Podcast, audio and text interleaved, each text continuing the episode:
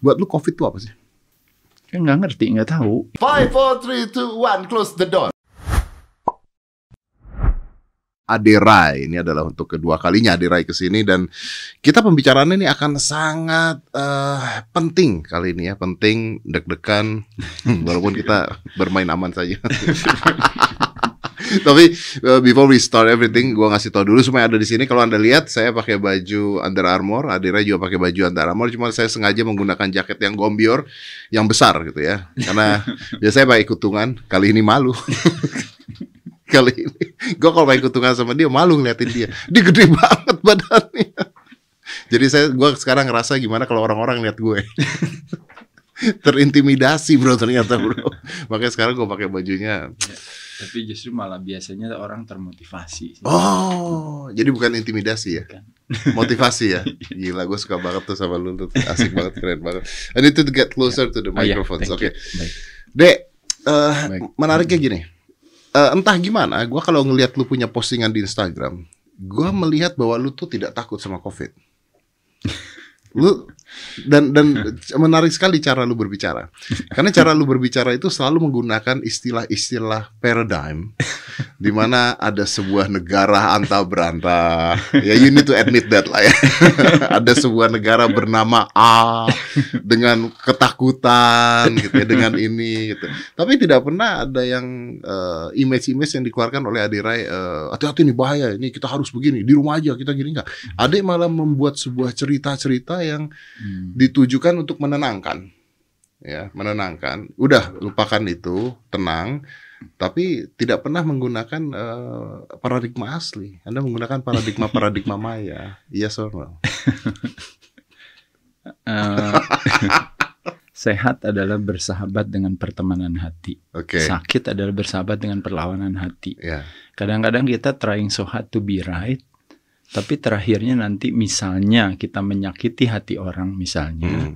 pada saat itu hatinya kita beat the purpose lagi yaitu ah. adalah ketika orang sakit hati dia stres stres terakhirnya akhirnya jadi sakit beneran jadi lu nggak mau bukan gara-gara covid gara-gara kita jadi kita oh. nah sedangkan kita kan fokusnya adalah kepada bagaimana mengkontribusi kemampuan kita untuk mengajak orang untuk sehat ya. nah jadi yang saya bisa coba mungkin kontribusi dalam hal ini adalah lebih kepada bukan mengedepankan sebuah kebenaran karena pada kenyataannya kebenaran ini sendiri saya nggak tahu sebenarnya karena kalau situasi hari ini itu kan terlalu besar Betul. untuk saya ketahui bahkan kalau ada istilah yang orang bilang kepala kita adalah akumulasi daripada data dan informasi yang kita kumpulkan. Nah bisa bayangin kepala kita kan kecil, apalagi hmm. saya palanya kecil gini ya, yeah, makanya badan yeah. saya kelihatan gede. Kan gue suka ngeledekin lu di situ. Jadi bisa bayangin artinya dengan kepala yang kecil ini berarti data dan informasinya yang masuk juga kecil tuh dan hmm. sehingga akhirnya saya bisa tahu bahwa data dan informasi yang ada di luar sana jauh lebih besar. Belum tentu ya lo omongin juga benar. Gitu. Benar, tepat sekali. Okay. Jadi saya akan mengutip kata-kata bijaksana dari Mark Twain. Katanya dia bilang bahwa what makes you in trouble is not what you don't know. Tapi it's what you know but it just ain't so gitu.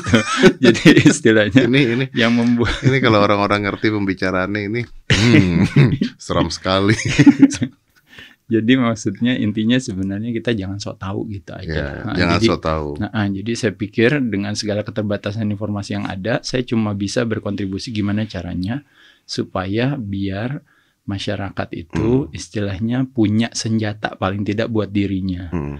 Nah, apa yang kita fokuskan di sana tenaga kita tersalurkan. Hmm. Nah, ketimbang kita berfokus atau dalam hal ini memuja-muji kehebatan dari sebuah kesakitan, kenapa nggak kita berfokus pada memuja-muji kehebatan daripada sebuah badan? Iya, ini itu gini-gini deh. Kata-kata lu tuh kan selalu berdiorama gitu. Ya. Kata-kata lu kayak diorama tuh kan kecil. Satria Mandala. Satria itu. Mandala itu kan. Kata kenapa, kenapa kalau gua mengatakan lu mengatakan bahwa udah nggak usah nakut-nakutin orang lagi pakai covid, mendingan ngomongin olahraga, mendingan ngomongin ini, mendingan eh, intinya itu kan Uh, sebenarnya tapi lu nggak mau ngomong gitu gitu loh. Itu yang gua gak suka gitu loh. Itu yang gua sebel gitu loh. Karena setiap kali gua baca itu yang gua dapet gitu. Kalau kita bicara sistem arsitek yang namanya arsitek sistem imunitas yeah. badan tubuh uh, uh, itu ya. Kita bisa lihat di situ tubuh kita tuh cukup cerdas ya. Uh, ada namanya innate immune system, sistem kekebalan bawaan. Uh, ada namanya adaptive immune system, ada interferon, ada namanya gut bacteria, microbiome. Nah, tapi sebenarnya palang pintu daripada sistem imunitas kita adalah sistem syaraf. Uh.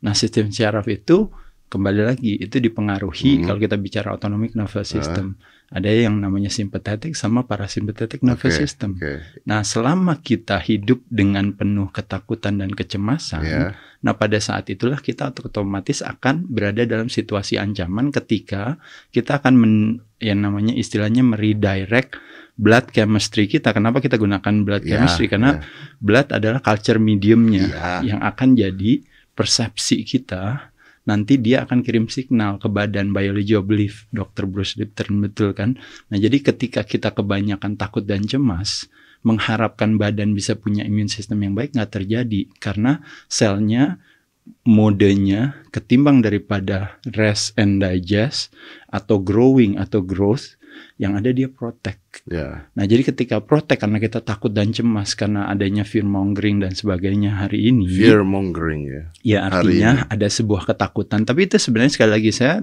nggak mau bilang oh itu yang salah adalah berita dan sebagainya. Tapi kembali lagi berita itu pada dasarnya akan jauh lebih menarik kalau ada nuansa konflik atau mentalitas versus. Betul. Dibandingkan dengan berita yang biasa. Iya, makanya ketakutan-ketakutan di berita apa pun ya. Betul. We are not talking about COVID ya. Kita iya, bicara betul. tentang apa? Rumah kebakaran jadi berita.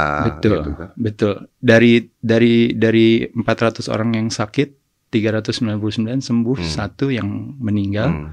Maka kita akan lebih senang untuk membahas yang meninggal. satu dibandingkan yang 399 karena 399 kurang menarik untuk diberitakan. Yeah. Nah, iya. pada saat itulah makanya kenapa akhirnya kalau kita tidak melihat itu atau memahami situasi ini untuk menjadikan ini sebagai sebenarnya sebuah informasi atau edukasi atau misalnya hiburan bahkan atau bahkan apa pun juga dengan berjaket kewaspadaan kan orang hmm. bilang ibaratnya kenapa sih kamu nonton berita iya supaya saya waspada kan gitu ya nggak ada masalah cuma masalahnya ketika kita nonton berita dan kita ambil hati nah pada saat itulah problemnya adalah badan kita terlalu It's cerdas affecting. untuk dibohongi yeah.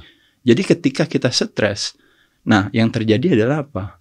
Badan akan merilis berbagai macam, macam reaksi, reaksi, ya. respon. Ya. Salah satunya dalam misalnya kortisol. Ketika kortisol hadir, apa yang terjadi? Hmm, kortisol hadir, hadir, otomatis yang terjadi adalah hmm. badan pasti akan apa? Akan menciptakan kalau kita yeah. kalau saya jelasin secara ya. teknis aja, hmm. misalnya orang stres. Hmm. Ketika dia stres, kortisol hadir. Hmm. Kortisol hadir, badan membuat sebuah kecerdasan sendiri untuk bilang kasihan nih si Dedi dia stres banget. Kalau dia stres berarti tenaganya turun. Hmm. Berarti kita harus naikin tenaganya. Hmm. Tenaganya kita naikin dari mana?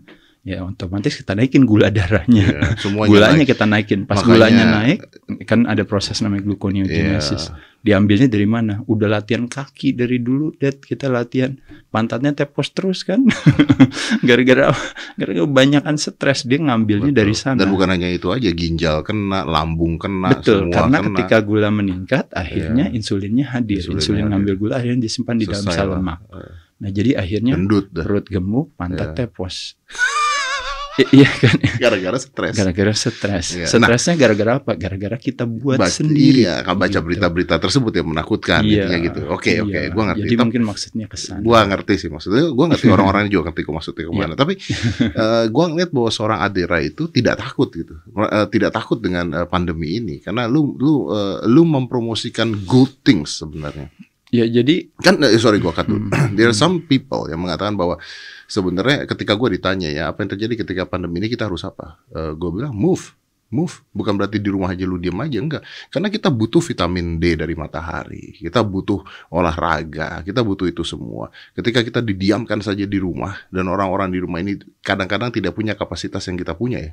I mean, for you and me mungkin lebih enak. Kenapa? Uh, lu punya gym gue ada gym, kita masih bisa latihan. Ada orang-orang yang akhirnya di rumah terus nggak ngapa-ngapain. Begitu dia ngapa-ngapain, ini kan imunitas tubuhnya turun, semuanya turun. Akhirnya penyakit malah lebih gampang Betul. kena gitu kan intinya. Nah, uh, gua ngeliat lu adalah tipe orang yang tidak takut pada COVID ini karena lu uh, tahu lu bisa menjaga diri lu. Benar apa tidak? Ya, itu kan pemaknaan kan. Pemaknaannya jadi seolah-olah dibilang tidak takut. Jadi contoh misalnya Dedi uh, uh, klub favoritnya apa, brother? Uh, bola, uh, bola. Gua nggak nonton bola yang lain ya, deh. anggap aja. Misalnya uh, MU misalnya. Misalnya MU. Uh. Kalau saya Liverpool. Oke. Okay. Benar ya. Yeah. Jadi waktu MU sama Liverpool ketemu di final FA, saya boleh berfokus kepada kehebatan MU karena di MU itu ada Fergie ya benar ya ibaratnya itu benar-benar arsitek bola yang luar uh. biasa atau saya mau berfokus kepada Liverpool di sana saya bilang ada Steven Gerrard dan kawan-kawan yeah, yeah, yeah. Yang luar biasa saya akan berfokus kepada kehebatan Liverpool untuk saya bilang dan saya yakini bahwa Liverpool itu bakalan jadi juara ya, Piala ya, FA. Ya, ya. Cuma pemaknaan orang adalah artinya lu nggak takut dong sama MU kan gitu pertanyaannya. Hmm.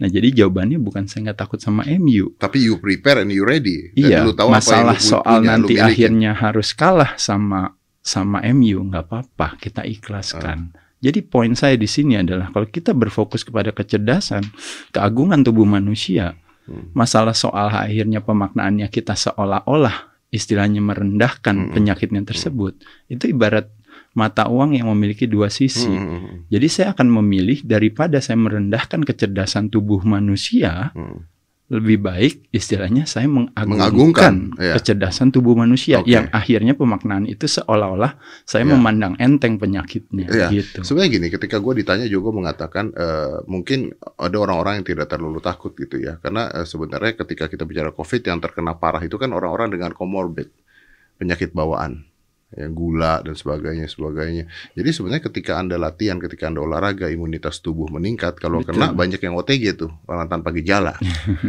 ya kan? Banyak yang OTG. Uh, eh, The Rock kena katanya kemarin. Tapi nggak apa-apa, pakai baju itu. Anda juga. Tapi ngasih taunya ketika udah sembuh. Iya. kayaknya sebelumnya masih latihan deh. Gitu. Panjang ceritanya. Gak usah diceritain lah ya. Gak usah diceritain. ya, jadi sebenarnya kalau ada istilah yang mengatakan seperti ini, brother.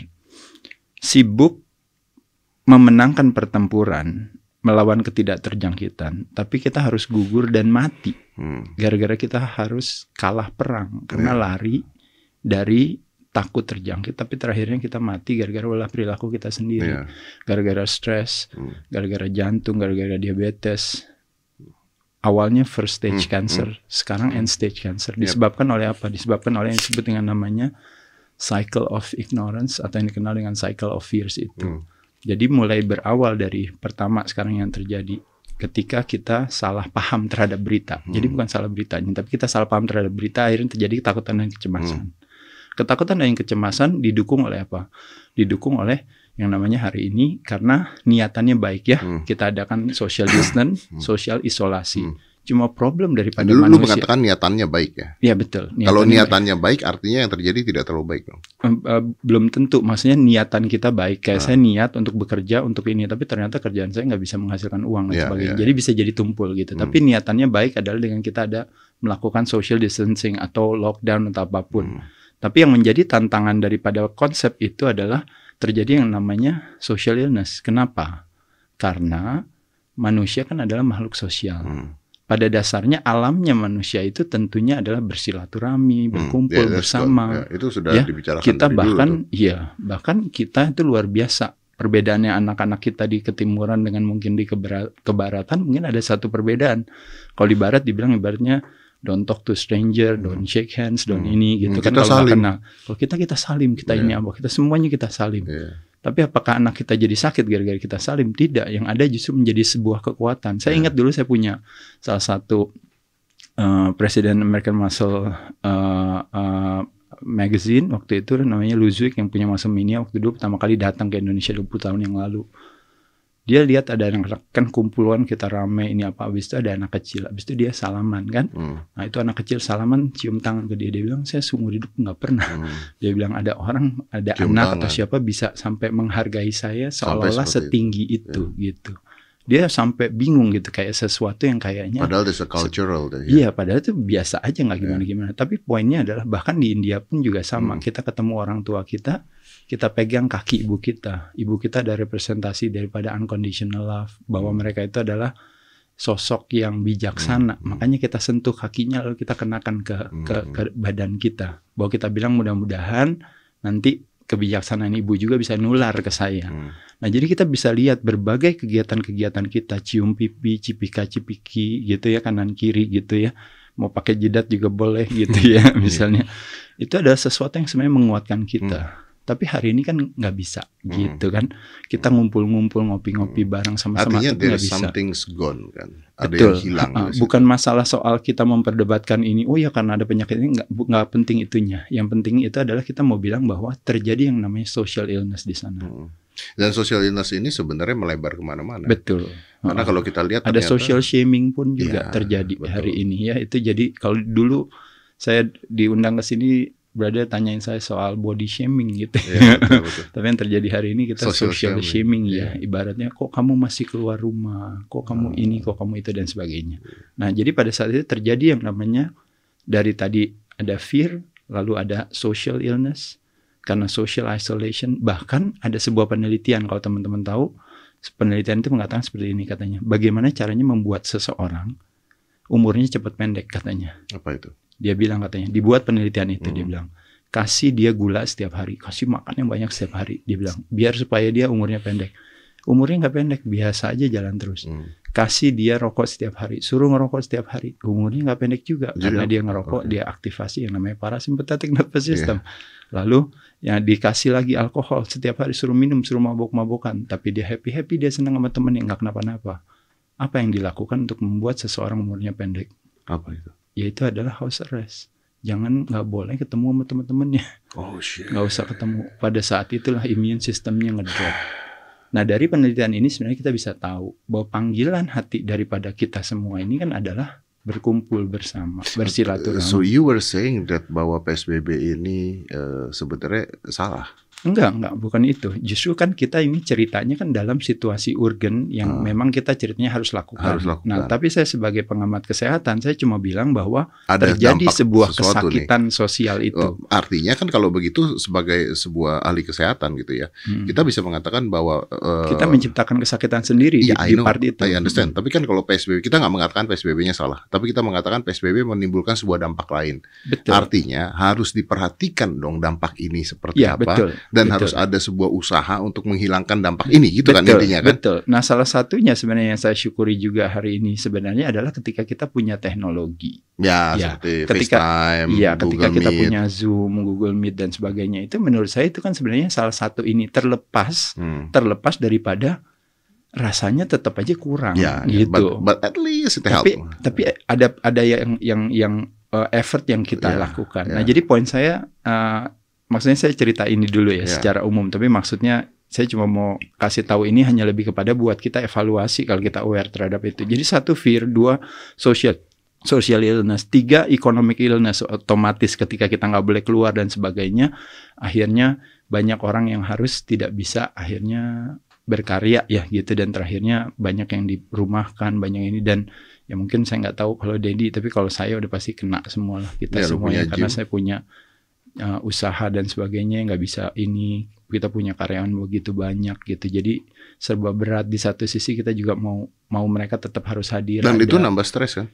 Iya dong pasti. Iya kan? Nah, naikin kortisol lagi tuh betul, balik lagi tuh. Justru itu maksud saya. Jadi social illness lalu economic, economic illness, illness lalu akhirnya pada saat itu apa yang terjadi? Yang terjadi yang namanya mental illness. Hmm. Nah, ketika terjadinya mental illness kombinasi daripada social, economic dan fear tadi, akhirnya terjadilah makanya kenapa akhirnya orang depresi dan sebagainya akhirnya melakukan pelarian-pelarian. Dengan cara contoh. Pelarian satu yang paling banyak yaitu adalah shopping. Udah paling gampang kan? Ya. Gak apa-apa ya, tapi shopping paling aman. Apalagi terima kasih Tokopedia ya yang iya. sudah. Tapi kan kadang-kadang shopping nggak bisa juga kalau economic illnessnya ada. Betul, justru itu. Tapi maksudnya saya cuma bicara soal pelarian. Okay, Ini pelarian. ngomongin soal pelarian itu bukan berarti negatif. Ya, ya. Tapi maksudnya pelarian itu kita harus konsekuensi, kita harus hidup dengan konsekuensinya. Betul. Kalau shopping selama punya uang nggak ada masalah. Betul Masalahnya banyak orang shopping tapi nggak nggak punya kemampuan. Ya dan in fact kayak Tokopedia sendiri nih kalau kita mm -hmm. bicara Tokopedia mm -hmm. di masa pandemi ini sebenarnya mereka malah bagus. Betul Karena justru dia itu. di rumah orang di rumah terus uh -uh. ya itu orang nggak tahu ngapa-ngapain shopping. Iya betul. Itu satu. Uh -uh. Ini sama dengan misalnya uh, satu lagi oh gitu Hmm. Nah iya tadi makanya saya bilang Ada iya, makan iya, ya. jadi satu shopping, Oke. which is shopping itu yang paling aman. Makanya kenapa uh, rate-nya paling tinggi. Jadi pelarian orang paling aman itu pasti ke shopping. Selama punya duit nih ya dia. ya? Selama punya uang. Oke. Ya bahkan banyak yang nggak punya uang pun juga shopping. ya, gitu. Satu. Yang kedua adalah fooding tentunya. Fooding ya. Ya orang lari ke fooding dan fooding yang paling parah yaitu adalah apa? Karbohidrat kan pasti Iya. kan. Karbohidrat kalau kita makan ya teman-teman balik lagi ya kayak yang kita ngobrol kayak kemarin yaitu adalah apa? Yang terjadi nanti hubungannya dengan apa? Gula, Ketika gula. gulanya ketinggian akhirnya terjadi namanya resistensi insulin, Hmm. hubungannya dengan metabolic syndrome, Hmm. akhirnya hubungannya dengan berbagai penyakit yang related to jantung Heart, dan juga pembuluh darah. Makanya diabetes dan sebagainya. Gula darah yang tinggi juga related juga hubungannya dengan berbagai penyakit yang related ke Hmm. syaraf, neuropati misalnya seperti akhirnya terjadi blindness, amputation Hmm. ya dan juga eh, akhirnya nanti gitu ya bisa mengarah ke banyak hal juga Ya, termasuk ya. cancer termasuk juga Ya, demensia. if you, if you, sorry I cut it bro. If you're Hmm. talking about that, kalau bicara ngomong seperti itu kan Hmm. sebenarnya sudah banyak lah ya kita pernah bahas Ya. tentang sugar industry. betul. Jadi pokoknya intinya fooding teman-teman udah tahu Ya, lah. Dan dan ini kan uh, political wise sebenarnya makanan itu juga. iya. Nah, Sugar industry is crazy. Nah, kalau sugar satu nih yang saya mau cuma kasih tahu aja. Salah satu problemnya dari dari sugar yang paling paling paling kalau istilah ya bukan bilang paling jahat ya, tapi yang paling berbahaya itu adalah fruktos oh iya. gitu.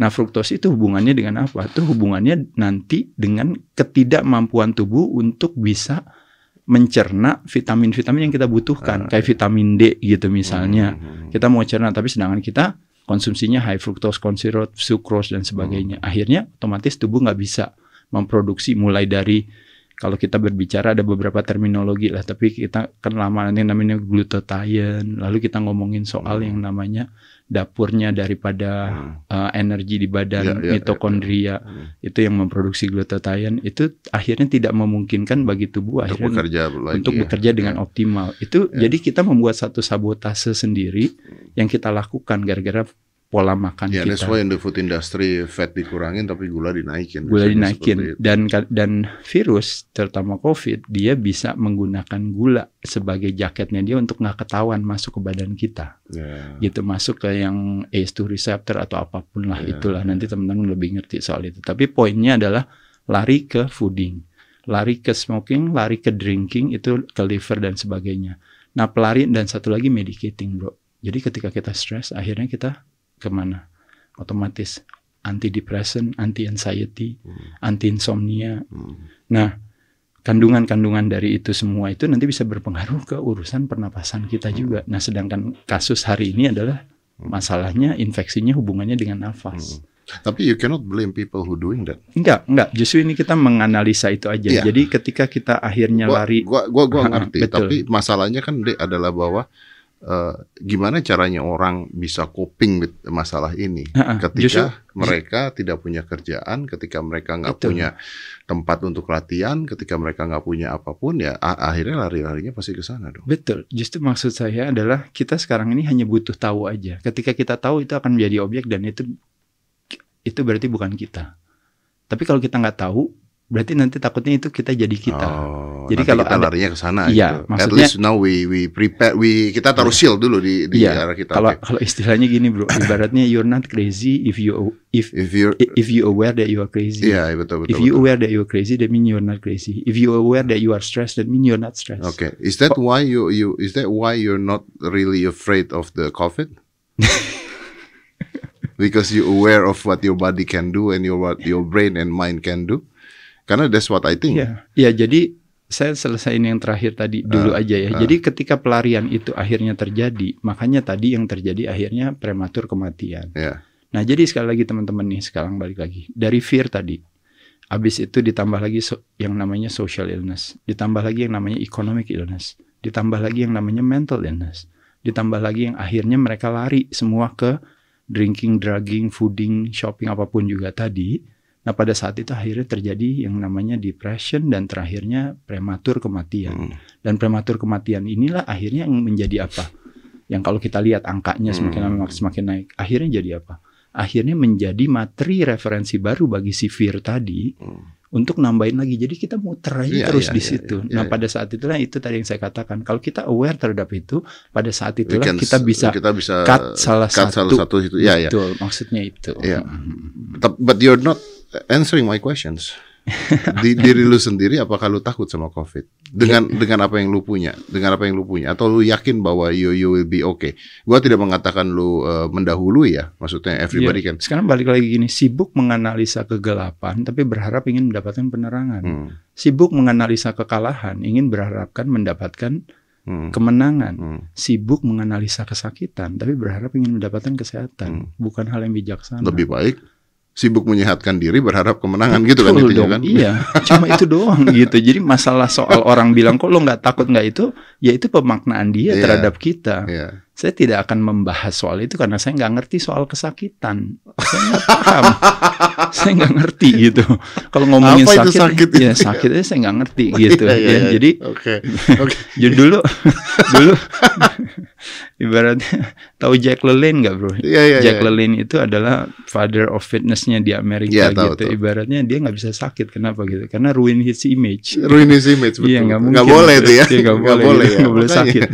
Ketika Dwayne Johnson sakit agak-agak. Hmm. iya mestinya. Batman mestinya nggak boleh. Gak boleh. Robert Pattinson kena COVID. Iya tapi kalau kita harus sakit kita ya. ikhlas menerima. Ikhlas menerima. Betul. But then again kalau lu harus sakit, maksudnya gini, toh ini ini ini bukan bukan maksudnya mengada-ngada, tapi semua pembuktian udah mengatakan ketika orang sehat dengan tubuh yang kuat, tubuh sehat, imun kuat, tidak ada komorbid, maka kesempatan sembuhnya jauh lebih besar dibandingkan orang-orang yang sudah punya penyakit bawaan. Kan intinya begitu toh. Eh, iya, itu iya, udah pasti. Itu udah gitu ya. pasti. Ya. Kalau masalah terinfeksi pasti bisa gitu, tapi yang pasti nggak mati. Lu gitu. pernah nggak kepikir bahwa hmm. sebenarnya mungkin lu udah kena? Gue pernah kepikir gitu loh. Oh iya dong, iya. Iya kan, siapa oh, tahu iya. gue tuh udah kena covid, tapi gue nggak tahu gitu kan. Oh bisa, iya, kan? udah pasti ya. Bisa, kita bisa seperti itu. Bisa seperti itu. Tapi intinya balik lagi, kalau kita memakai sebuah indikator tertentu hmm. untuk menentukan, nah, hmm. nah makanya tadi, kalau indikatornya, kalau nilai matematikanya hmm. ibaratnya merah. Hmm kita bilang bahwa wah matematikanya merah berarti kita akan fonis dia bahwa dia hidup itu pasti akan gagal nggak uh, bakal bisa sukses nggak bakal bisa. bisa jadi orang kaya dan sebagainya uh. nggak bisa tapi kita tetap ngotot menjadikan indikator nilai matematika adalah sebagai yang namanya paham gak brother? Berat. Gue nah, sih, nah, gua sih ngerti lu dari tadi mau apa gue ngerti kok. nah jadi sekarang pertanyaannya adalah kalau kita memakai indikator ah, itu ya nggak apa-apa gitu. Ini orang gila sih. Omongan Anda tuh dibungkusnya tuh indah sekali gitu. tapi tapi tapi very deep loh, very deep.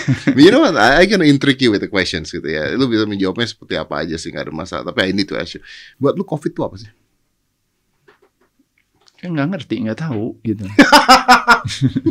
nggak tahu, jangan tanya saya soal kesakitan, saya nggak paham gitu. nanya ibarat sibuk menganalisa kegelapan ingin mendapatkan penerangan nggak terjadi gitu. nanya gelapnya apa ya ini apa gitu apa ciri-cirinya orang sakit dan sebagainya kenapa saya mesti pikirin gitu yeah. ini sebenarnya saya belajar dari hal yang sederhana ketika waktu saya punya masalah gym yang lagi susah uh. gitu jadi pada saat itu ada istilah yang orang bilang katanya kualitas diri kita ada, adalah katanya kualitas komunikasi hmm. kita. Nah, kualitas komunikasi kita adalah kualitas pertanyaan kita. Hmm. Karena pertanyaan kita akan mengarahkan kepada yang namanya hmm. intrapersonal hmm. komunikasi, akan mengarahkan kepada hmm. motivasi katanya hmm. terakhirnya. Coba pertanyaannya ada pertanyaannya apa?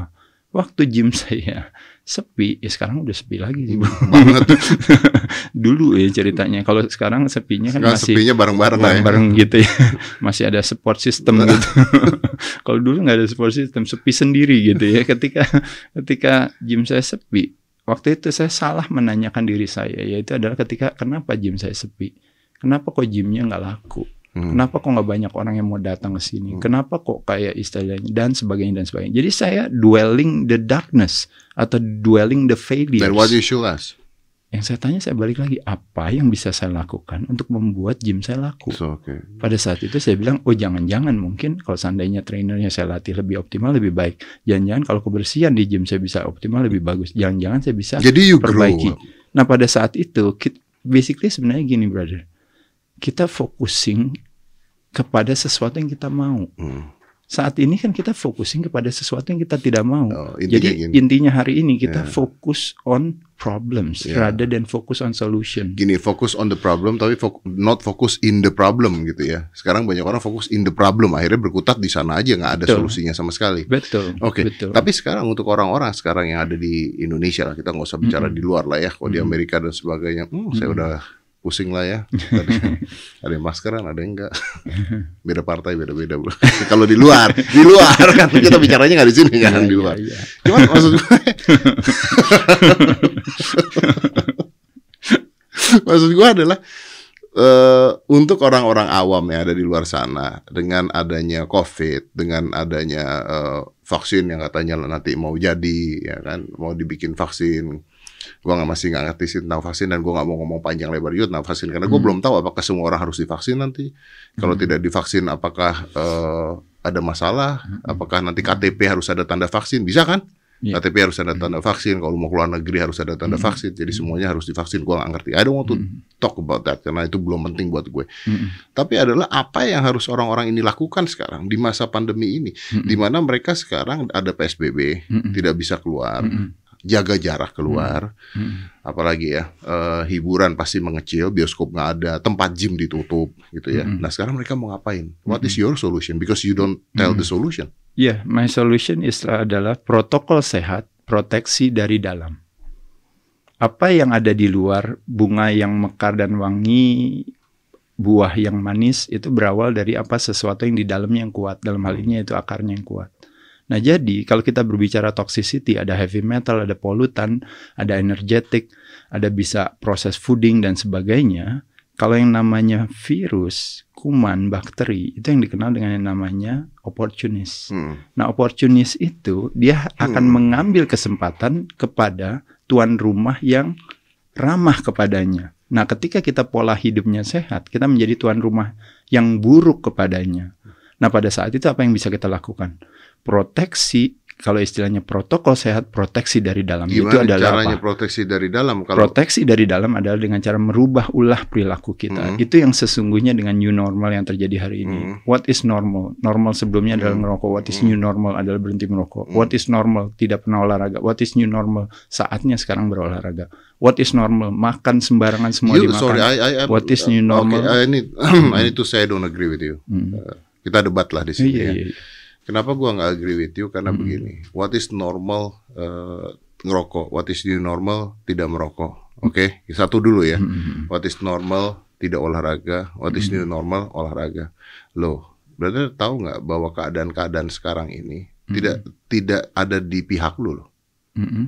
Tidak ada di pihak lu. Maksudnya gimana? Maksudnya gue begini. Hmm kita gua ngerokok dulu aja deh. Hmm. Tadinya hmm. misalnya gua ngerokok misalnya uh, ya gua gua pakai inilah gitu ya. Hmm. Gua pakai ini untuk mengurangi rokok sebenarnya. Iya iya. iya. Uh, tadinya gua pakai ini misalnya sehari habis satu gitu. Hmm. Tapi karena tidak ada kerjaan di rumah Betul. terus jadi Betul. nambah. Betul. Jadi sebenarnya keadaan ini tidak mendukung kata-kata lu loh, Bro. Betul, justru ya kan? Justru itu. Olahraga, Ya. Tadinya gue bisa ke gym tiap hari. Ya, tapi Sekarang terjadi kan? Iya, jadi tidak dia. Jadi kata-kata lu akhirnya mematikan kata-kata lu sendiri bahwa at this moment orang nggak bisa melakukan itu dong, bro. Iya betul, justru itu makanya. Loh, terus harus gimana? Lo itu kan tadi kan ibaratnya kita punya sebuah kebijakan uh -uh. akan kesehatan uh -uh. bukan kita loh, uh -uh. dunia ini. Iya. Dunia punya kebijakan akan sebuah kesehatan yang tujuannya adalah bukan membuat orangnya istilahnya bisa mendapatkan kualitas kesehatan yang lebih baik, tujuan utamanya kan lebih kepada supaya tidak terjangkit. Kan iya, begitu, betul. Tapi gimana iya. caranya kalau tadi new nor normalnya adalah tidak olahraga, new normalnya adalah olahraga. Harus Sedangkan olahraga. tempat olahraga, tempat olahraga dilarang. Iya. Kan buka tempat olahraga seperti buka tempat panti pijit plus plus kan sekarang. Betul. Tapi kan betul karena dia adanya di, di di di departemen yang sama kalau iya, di Indonesia. Betul, entertainment. Aneh ya. ya mungkin itu nanti bisa jadi evaluasi. Oke. Okay. Tapi poin saya balik lagi ya itu tadi. Jadi yang makanya kenapa kita butuh evaluasi adalah seperti itu. Karena kita tahu yang terjadi hari ini adalah definisi daripada insanity apa, brother? Definisi insanity adalah sederhana, melakukan hal-hal yang sama tapi expect hal yang yeah, berbeda. Yeah, yeah. Kan begitu kan? Stupidity ya. Instead yeah. say that. Iya. Yeah. Nah sekarang kita udah melakukan hal yang sama kan dalam lima bulan kan. Hmm. Habis itu sekarang kita mau ngapain? Mari kita melakukan hal yang sama lagi kan gitu lagi yeah. kan gitu ya. Nah jadi itu namanya apa ya kita nggak tahu ya gitu tapi tapi intinya berarti di situ harus ada evaluasi. Kenapa? Yeah. Karena nanti dengan proses yang terjadi hari ini kok jadi banyak malah semakin banyak korbannya. Betul. Nah pada saat itulah kita mengambil istilahnya pengalaman itu untuk kita bilang harus ada sesuatu yang saya saya rubah. Is this the, masuknya ke dalam tahap pemerintah atau tahap individu masing-masing di masyarakat? Kalau tahap individu adalah dia aware terhadap pola perilakunya dia. Dia ah. bilang, aduh kayaknya sekarang udah gue nggak punya duit, udah nggak punya apa. Tapi kalau sampai nggak punya sehat juga kebangetan. Ah Nah, jadi, jadi mereka harus mulai olahraga. Mau nggak mau harus minimal harus dapat sehat. Nggak punya uang nggak apa-apa. Yang penting punya sehat. Kenapa? Karena sehat tidak menarik selagi masih kita miliki. Menjadi begitu menarik pada saat dia pergi dari kita. Yeah. Mencari sehat pada saat di mana sehat masih kita miliki sebenarnya masih muda dan iya, murah. Yeah, yeah, yeah. Kita lagi nggak punya uang hmm. lagi sekarang. Tapi ketika dia pergi dari kita menjadi murid daripada sebuah antisipasi mahal dan susah. Jadi teman-teman sekalian yang masih sehat meskipun udah nggak ada kerja nggak ada apa minimal paling nggak masih punya sehat. Kenapa? Karena sehat is a requirement is not a destination. Hmm. sehat bukan tujuan sehat adalah syarat. Nah tapi kembali lagi kita berharap satu saat nanti orang yang mengambil kebijakan keputusan itu adalah orang yang juga punya dari kata kebijakan itu kan ada nuansa bijaksana di sana. Nah jadi jangan membuat sesuatu yang sibuk terperangkap dalam sebuah peran tapi lupa memahami esensi peran tersebut. Sibuk terperangkap dalam sebuah metode ingin membuat masyarakatnya ceritanya supaya tidak terjangkit, tapi esensinya kan sehat.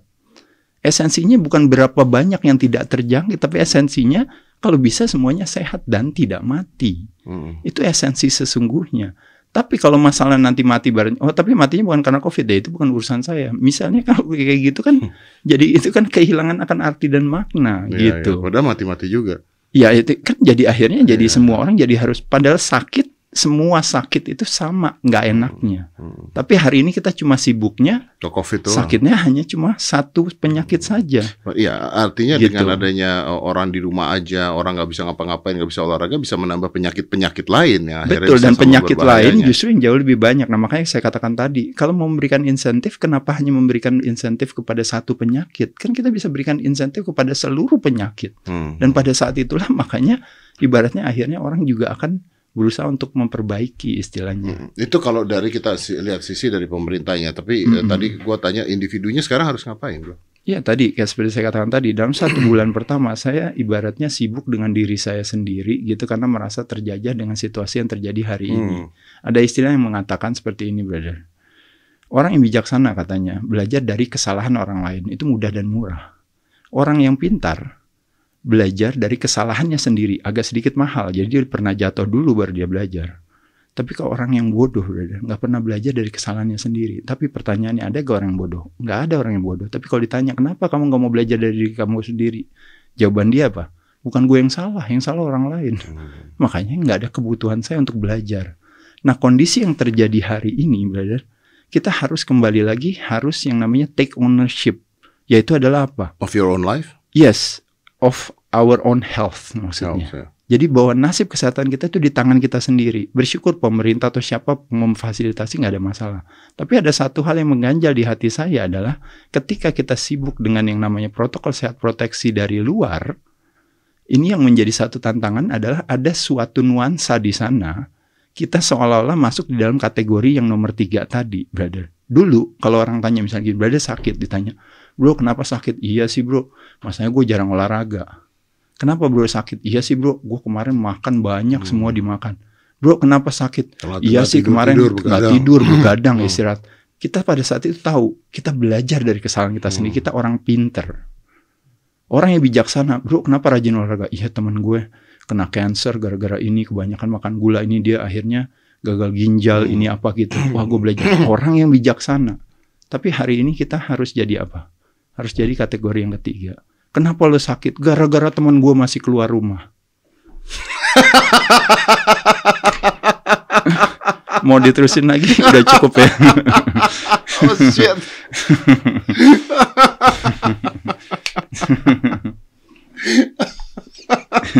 Tapi saya setuju sih. Besok-besok saya akan ada ide baru juga dengan situasi hari ini. Saya akan kumpulin tuh semua orang yang tiba-tiba lagi pada makan martabak manis. Saya tarik, cabut, saya tangkepin, saya taruh semua langsung di itu di kuburan-kuburannya yang khusus yang mati gara-gara serangan jantung. Suruh diem di situ. ide bagus. Aduh. Oke bro, di luar itulah ya kita yeah. ngobrol udah udah di banget ini tadi. Tapi gua paham lah orang-orang pasti ngerti gitu. Tapi Uh, what do you think? Uh, menurut lo apakah dunia ini nanti akan balik ke normal lagi apa enggak? Uh, kalau ngelihat dari saham, karena biasanya kalau sesuatu yang yang bencana biasanya harus berakhir dengan destruksi kan, gitu yeah. ya. Makanya kenapa orang pasti akan ngambil uangnya dan ditaruh di bawah bantal. Tapi hari ini uangnya dibeliin ke saham, jadi kayak kita kita pikir justru memberikan pemahaman kepada kita bahwa ternyata oh mungkin kayaknya udah tahu banyak yang tahu kalau nanti akan kembali normal gitu. Jadi nggak khawatir ya. ya tapi yang pasti dalam proses ini saya cuma mau mengajak kepada teman-teman dalam arti maksudnya uh, yuk kita berfokus kepada kecerdasan tubuh kita. Bagaimanapun juga kalau kita berbicara politik, bicara apa itu di luar kuasa kita. Apa yang di luar kuasa kita kita nggak bisa. Ya ya ya. Ha, tapi apa yang bisa di, di diri kita, yuk kita handle. Ya. Kalau kita menonton berita kita jadikan sebagai sebi, sebuah hiburan, kenapa nggak? Nggak apa-apa. Ya, gitu. Kita olahraga, kita olahraga. Nggak bisa di rumah gunakan tubuh sendiri. Hmm. Tubuh kita adalah gym kita. Hmm. Brain kita adalah apotek kita. Hmm. Jadi bisa bayangin teman-teman kan ibaratnya kalau kita punya salah menggunakan pancandra kita ini, akhirnya kita membuat satu interpretasi, akhirnya membuat sebuah persepsi. Persepsi adalah signal kepada badan kita. Nah, seandainya signalnya salah, hmm. badannya stres dan sebagainya. Stres adalah penyebab kematian hmm. nomor tiga. Selain daripada mungkin karena faktor-faktor lain, obesitas, ya karena nikotin dan sebagainya. Tapi nomor satu, uh, apa stres adalah sesuatu yang nyata, terutama hari ini. Nggak dan, kelihatan tapi ya nggak kelihatan. Iya dan yang paling unik yaitu tadi manusia dengan egonya mengatakan pada tumbuhan dan binatang bahwa saya adalah makhluk yang paling tinggi daripada kalian karena saya memiliki akal budi dan pikiran. Tapi binatang dan tumbuhan kalau saya bisa bicara bilang manusia unik. Ya dia bilang katanya. Pikiran yang harusnya menjadi kekuatan manusia kenapa menjadi kelemahan? Karena apa? Karena tidak ada statistik yang menunjukkan ibaratnya seperti manusia yang mati gara-gara stres tumbuhan dan binatang nggak pernah mati gara-gara stres. Kita belum pernah ngelihat misalnya pohon kelapa yang stres kita belum pernah lihat misalnya kupu-kupu yang dipres yang kita lihat ada manusianya. Nah sekarang bayangin hari ini gitu. Yang harusnya pikiran kita kita pakai untuk memperkuat diri kita. Hmm. tapi yang yang sekarang yang terjadi akhirnya kita justru malah dwelling dengan hal-hal yang sifatnya problem ketimbang fokus kepada solusi. Jadi poin saya sekali lagi saya cuma mau bilang bahwa sehat bersahabat dengan pertemanan hati sakit bersahabat dengan perlawanan hati. Sakit makanya kenapa dikenal yang penyakit namanya disease perlawanan hati. Nah saya saya trying so hard to be right mau bilang bahwa saya tahu loh tentang kesehatan. Saya nggak pernah sakit nih saya tahu ini gini gini dan sebagainya. Tapi saya ngotot hanya ingin men mengagungkan kebenaran saya kepada orang lain gitu. Tapi terakhirnya poinnya adalah ibaratnya saya cuma kesel sendiri. Hmm. terakhirnya saya akan jatuh juga dengan hmm. dengan dengan uh, pemahaman saya ini gitu. Jadi sekali lagi saya bilang nggak ada pilihan lain bagi kita hari ini gitu Hati yang gembira menyembuhkan terlepas daripada apa pun. Saya sekarang pembelajaran saya selama lima bulan ini kalau orang tanya, dia pembelajarannya apa sih yang dapat hari ini? Pembelajaran saya cuma dua, sabar dan ikhlas itu aja bro. cuma bisa itu. Nothing else to do. Nggak ada gitu. Kalau kita misalnya surrounded by something bisa jadi karena idiokrasi, stupidity dan sebagainya. Tapi kalau kita bisa ikhlas menerimanya, jadi sebuah ketidakpastian akan masa depan kalau kita tidak ikhlas menerimanya akhirnya menjadi ketakutan dan kecemasan hmm. tapi ketika kita ikhlas menerimanya akhirnya menjadi sebuah petualangan yeah, ya udah yeah. let's, let's make this as an adventure embrace it yeah. embrace it aja betul ya masih ada seneng-seneng ya setiap beberapa minggu sekali ada baju UA yang baru-baru gitu. Ya, banyak hal salah satunya itu brother. Ya, yaitu adalah uh, uh, gratitude itu iya. gitu. Dulu saya ingat waktu dulu ya brother itu udah lama sebenarnya udah puluhan tahun. Saya dulu suka bikin namanya gratitude book uh. gitu setiap malam sebelum uh. tidur. Kadang-kadang saya bikin aja. Tujuannya adalah apa? To remind you ya cuma remind saya aja bahwa ibaratnya apa sih yang sebenarnya yang saya syukuri hari ini misalnya? Oh ya saya bersyukur tadi sempat ketemu ibu saya. Oh saya bersyukur tadi saya wa waan dengan adik saya karena adik saya di Jakarta saya di Bandung ini udah lama gak ketemu. Saya bersyukur ini apa kayak hari ini. Waduh saya bersyukur banget bisa bertemu brother brother undang saya ini apa itu. Bayangkan ibaratnya kalau seandainya buku itu nanti kita buka seminggu aja bro bisa lihat itu betapa banyak yang kita bisa syukuri gitu. Problemnya sama kita, apa yang kita focusing di sana tenaga kita tersalurkan. What we are focusing that's where the energy flows. Problemnya kita kita focusing, focusing on what's missing, one, brother. What missing and what the bad things. Gitu. Happen. Padahal yang kalau kita mau fokus kepada ini, nah sekarang ini, brother, kita udah jelas.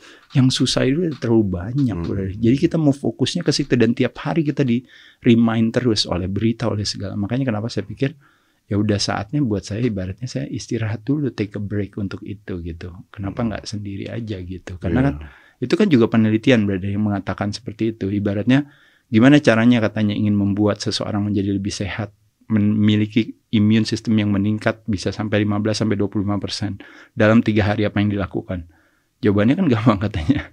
Yaitu adalah jangan baca koran, jangan nonton berita, jangan buka sosial media kan gitu iya, sebenarnya. Tapi poinnya bukan salahnya sosial media berita apa, tapi lebih kepada adalah ketika di situ memang terjadi yang namanya ibaratnya paparan terhadap sebuah konflik hmm. atau mentalitas yang terjadi perlawanan hati itu. Ya, tapi kan tetap aja balik-balik lagi how how you react terhadap hal tersebut. Iya, respons sih Ya, respons uh, respons terhadap ada, itu. Ada betul. ada misalnya uh, lu ngeflex gitu di Instagram. Mm -mm. Ada dua orang nih ngomong. Mm -mm. Yang satu bilang gila adik lu udah tua tapi badan lu bisa gitu banget anak muda kalah gitu. Hmm. Ada satu yang bilang apa apaan sih lu udah tahu binaraga belagu banget sih gaya-gayaan. Hmm. Kan tergantung kan. Betul. Nah biasanya manusia hmm. otaknya mau merespon yang ngatain. iya. iya kan karena pasti pasti mau merespon yang ngatain. Pasti. Akhirnya malah orang-orang cari attentionnya dengan cara ngatain lu.